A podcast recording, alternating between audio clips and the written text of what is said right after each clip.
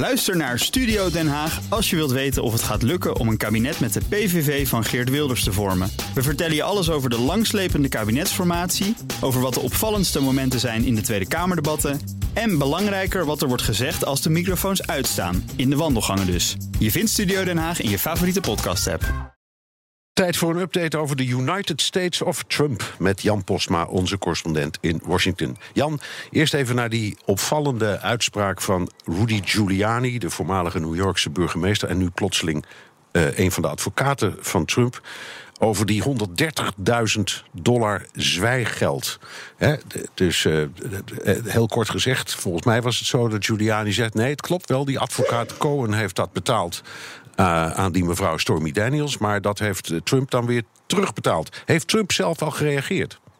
Ja, ja, inderdaad. En je valt het goed samen, inderdaad. En Trump die tweette vanochtend uh, dat het om een retainer ging. Een soort onkostenvergoeding, een abonnementje dat hij heeft lopen bij die uh, Cohen voor alle kosten die hij maakt. Uh, maar ja, da daar zijn dan ook wel wat vragen bij. Hè? Want ook als ik miljardair zou zijn, dan zou ik toch even willen weten waar zo'n advocaat dan bijna anderhalve ton voor nodig heeft. Per, per, en, per maand? Per, per... per, maand, inderdaad. Ja, jongen, jongen, ja. jongen. Ja. ja, dat krijgen wij niet, hè? Maar wij hebben ook nee, minder mensen wij om doen iets fout, geld. Jan. Uh, ja. ja.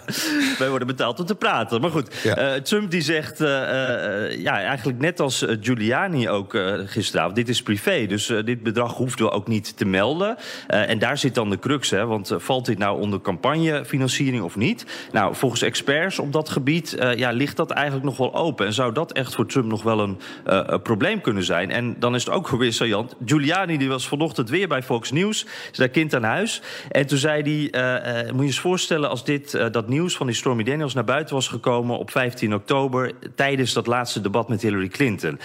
Cohen heeft ervoor gezorgd dat het wegging. He did his job. Ja, en als je het dan zo hoort, heeft het toch met verkiezingen te maken. En zou dat dus toch een onderzoekje op kunnen leveren? Ja, ander dingetje. Zit dicht tegenaan. Trump heeft nu. Een advocaat die hem uh, bijstaat ontslagen en daarvoor teruggehuurd. De advocaat die Bill Clinton heeft bijgestaan in zijn afzettingszaak. Nou, daar moet een goede reden voor zijn als je zo iemand erbij haalt. Vertel. Ja, ja, inderdaad. Ja, dat gaat om die Emmett T. Flood. Die, die werkt ook voor, voor eerdere presidenten. Dus die heeft echt een goed netwerk, uh, veel ervaring. Maar inderdaad vooral bekend omdat hij die advocaat van Bill Clinton was... tijdens zijn impeachmentproces.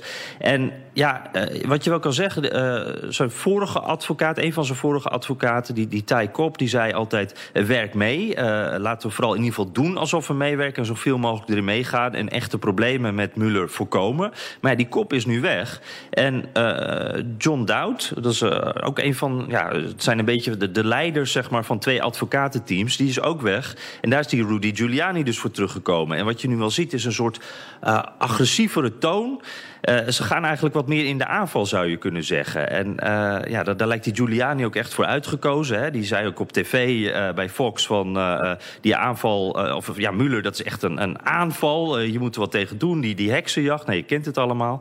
ja, en dat is ook weer iemand die dus extra op dat gas trapt. Hè? In plaats van iemand die Trump een beetje afremt. Ja, um, ja ik dacht ook toen ik die naam hoorde van die Clinton-advocaat...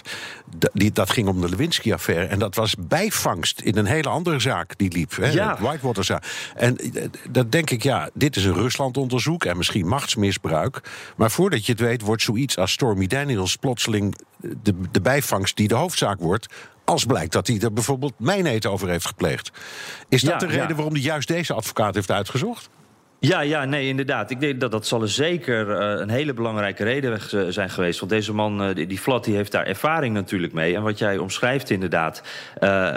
ja, de, die Flat die kan eigenlijk uitleggen wat, wat er met Clinton is gebeurd. Hè. Clinton die moest voor de commissie verschijnen. Die wist op dat moment wat de tegenpartij, wat Kenneth Starr allemaal naar boven had gehaald. Dus hij was sterk in het voordeel ten opzichte van waar Trump nu staat. En hij was maar zelf hij advocaat. toch in de fout. Hij was zelf advocaat. Dus hij wist... Ja. ja. Hij wist echt precies waar hij aan begon. Dus die, die zat echt in een andere situatie dan, dan Trump nu. Ja. Uh, en, en, En, dat toch zei Clinton- onder, en toch zei hij onder Ede: I did not have sex. En dat, heeft hem Ja, uiteindelijk, en dat was de aanleiding. Ja, klopt. Dus dat begon met Whitewater. eh, Een Ja. heel ander verhaal eigenlijk. En dat eindigde inderdaad met... ik heb geen seks gehad met die stagiair. En het, ja, het begin van een impeachmentproces. Ja. Kan Trump worden gedwongen om te getuigen?